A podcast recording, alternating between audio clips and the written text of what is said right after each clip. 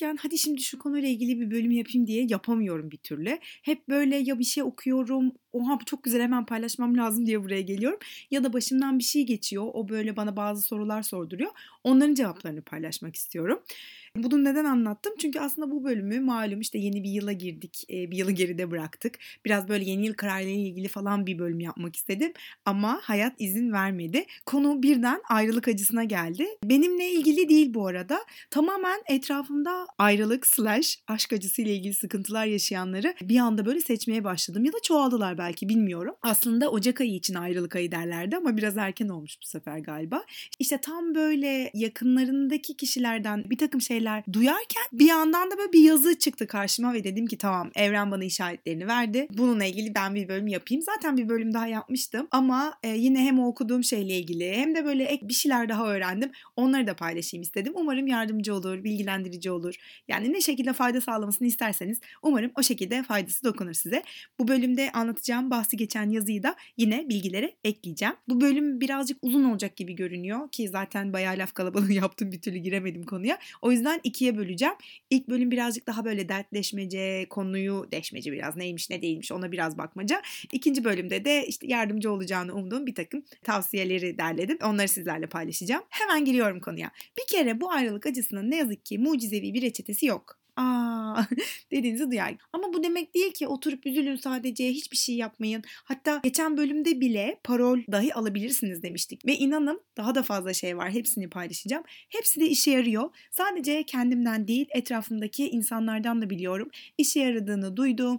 Bir takım araştırmalar var. Onlar da aynı şeyleri söylüyor. O yüzden mutlaka ve mutlaka bu acıyı hafifletmek için, bu acının süresini kısaltmak için yapılacak şeyler var. O yüzden umutsuzluğa kapılmayın. Geçenlerde bir gün e, arkadaşlarım arkadaşlarımla oturuyoruz böyle. İçimizden biri de canını acıtan bir ayrılık yaşamış. Ben de o an öğreniyorum. İşte kendi kendime onu teskin etmeye çalışıyorum. Ya evet işte çok acıtıyor ama geçiyor. Ah bilmez miyim ayrılık acısı çok zordur gibi böyle şeyler diyorum. Ben böyle derken hayatımda hani çoğu şeyimi anlattığım böyle bir arkadaşım şey dedi. Ya Selin hani seninkiler aşk mıydı ki? Zannetmiyorum yani sen aşk acısı çektin mi? Sanmıyorum dedim. Bunu kötü bir yerden söylemedi bu arada. Sadece onun tanımlarına göre benim yaşadığım aşk değildi ve ben de işte ayrılıktan sonra ya da ne bileyim ilişkilerim içerisinde herhangi bir şekilde aşk acısı çekmemiştim ona göre. O anda bana şunu düşündürttü. Aslında tıpkı diğer kavramlarda olduğu gibi biz aşkı da farklı farklı tanımlıyoruz. Ve bu kavramlara yüklediğimiz anlamlar o kavrama ilişkin deneyimlerimizden ve duygularımızdan oluşuyor. Brené Brown mesela 87 tane duygu bulmuştu. Sırf bu duyguların içerisinden kim bilir kaç tanesiyle biz bir araya getiriyoruz aşk duygusunu. Hiç bilmiyorum. Ben bu kavramlara yüklediğimiz anlamları bir çiçek buketine benzetiyorum. O bukete ne oranında hangi çiçekten koyacağınız tamamen size kalmış. Ve en son onu yaptığınızda, o buketi hazırladığınızda o buket size özgü oluyor ve diyorsunuz ki başkalarına bak bu bir çiçek buketi. Kimse de size diyemiyor yani. Aa onun içinde gül yok ama o bir çiçek buketi olmaz diye. Siz kendinize göre kendi oranlarınızda seçtiğiniz bir takım çiçeklerle bir şeyler yapmış oluyorsunuz. Şimdi aşk kavramı da bana böyle geliyor. Atıyorum biten bir ilişkinin ardından işte 3 ay ağlamıyorum, yemeden içmeden kesilmiyorum diye ya da biriyle birlikteyken de her şeyi ikinci plana atamıyorum vesaire gibi böyle birazcık çünkü aşk tanımlarında böyle şeyler var diye düşünüyorum. Hani bu benim yaşadığım şeyin aşk olmadığını söylemiyor çok. Ben mesela aşk kavramının, aşk buketine birazcık belki fazla rasyonellik koyabilirim. Çok fazla sevgi, biraz az sevgi gösterisi koyabilirim. Başka biri de mesela işte çok fazla tolerans koyabilir, iltifat etmek koyabilir. Yani herkes farklı farklı o aşk buketini oluşturabilir. Hislerini de aynen bu şekilde bunun içerisine atabilir. Kimi daha fazla adrenalin koyar belki, kimi huzur koyar.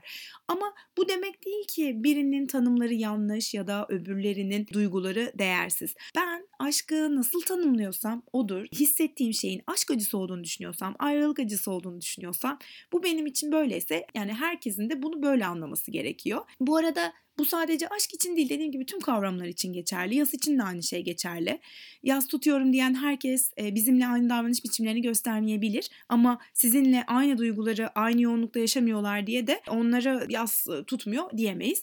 Dolayısıyla aslında bence bu buketler insanı çok özgün kılıyor. Ben işte orada kendi yaşadığımın bir aşk acısı olduğunu söylerken arkadaşım onu kendi sözlüğünden tarayıp ona uymadığı için onun aşk acısı olmadığını söylüyor. Ama aslında hani o yüzden birbirimizi anlamayı zorlaştırıyor. Diğerlerinin ne demek istediğini düşünürsek yani benim aşk tanımımdaki, benim buketimdeki aşk nedir? Belki birazcık onu anlamak, belki birazcık neyi üzülüyor, ne vardı orada e, onları öğrenmek daha faydalı olabilir. Ben de eskiden açıkçası bu ayrılık acısını çok yoğun yaşayanların aşık olmadıklarını, daha farklı şeyler yaşadıklarını düşünürdüm. İşte bence aşık değildi, o takıntıydı, işte bağımlılıktı, tutkuydu falan gibi.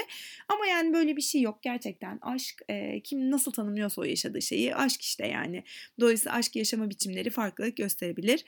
Kısacası evet aşk acısı slash ayrılık acısı diye bir şey var ve acıtıyor. Bunu ne şekilde yaşarsanız yaşayın. BoJack Horseman dizisinde bir karakter var Princess Caroline diye. E, kariyer odaklı bir kadın. Bir gün duyguları inciniyor ve ertesi gün şöyle uyanıyor böyle aynaya bakıyor. Tamam dün biraz aşık olabilirsin, kalbin kırılmış olabilir ama bugünden tez yok artık sen kalpsiz, kariyer odaklı bir kadınsın. İşe gidip geleceksin ve işinde çok iyi olacaksın. Böyle aptal saptal gerçekçi olmayan düşünceleri artık senin hayatında yer yok. Bugün itibariyle sen bir robotsun diyor kendisine. Hep böyle olmak istiyorum ertesi günü. Böyle bir hüzünlü bir şey yaşayınca ya da ayrılık acılarının arkasından evet ben bir robot olmak istiyorum diyorum. Ama ne yazık ki mümkün değil. Bu podcast'te de bunu vaat etmiyorum ama belki işinize yarayacak birkaç bilgiye ve tavsiye verebilirim. Amerika'da insanlar biriyle hayatlarını birleştirmeden önce yaklaşık iki tane ciddi ilişkileri oluyormuş efendim. Yani bu iki ilişki bittiğine göre mutlaka kalpleri kırılıyor. 2013 yılında Amerikalılar kalplerinin ortalama 5 kez kırıldığını söylemiş. Gördüğünüz gibi ölüm gibi bir şey oluyor ama kimse ölmüyor. Çok yaygın bir şey bu. Bir kere yalnız değilsiniz. Bunu asla aklınızdan çıkarmayın. Ve evet ayrılıklar acı verici. Hatta daha önceki bölümlerde de söyledik bu acı fiziksel acıyla eşdeğer olabiliyor diye. Ve eğer canınız acıyorsa sanıyorsunuz ki o acı hiç geçmeyecek. Hep öyle kalacaksınız. Ama bakın araştırmalar var.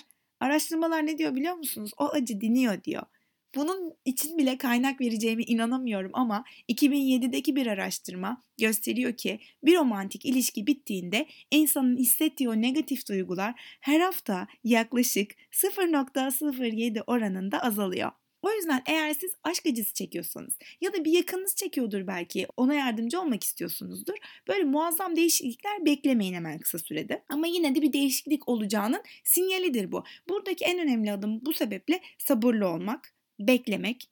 Yani biliyorum hani insan o hisleri yaşamamak istiyor ama ne yazık ki böyle bir ilaç alayım da hadi bakalım gitsin gibi bir etki ne yazık ki yok. Ama şunu söyleyebilirim. Eğer geçmişte bir aşk acısı yaşadıysanız ya da belki birkaç kez hatta daha da iyi bilirsiniz ki üzülmüşsünüzdür o zaman ama geçeceğini bilirsinizdir. Bu geçecek olma hissine tutunması gerekiyor insanın. Çünkü evet geçmişte de öyle hissetmişsinizdir ama şu anda eğer bu acıyı yaşıyorsanız size bu acıyı yaşatacak kadar seveceğiniz biri yine çıkmıştır karşınıza.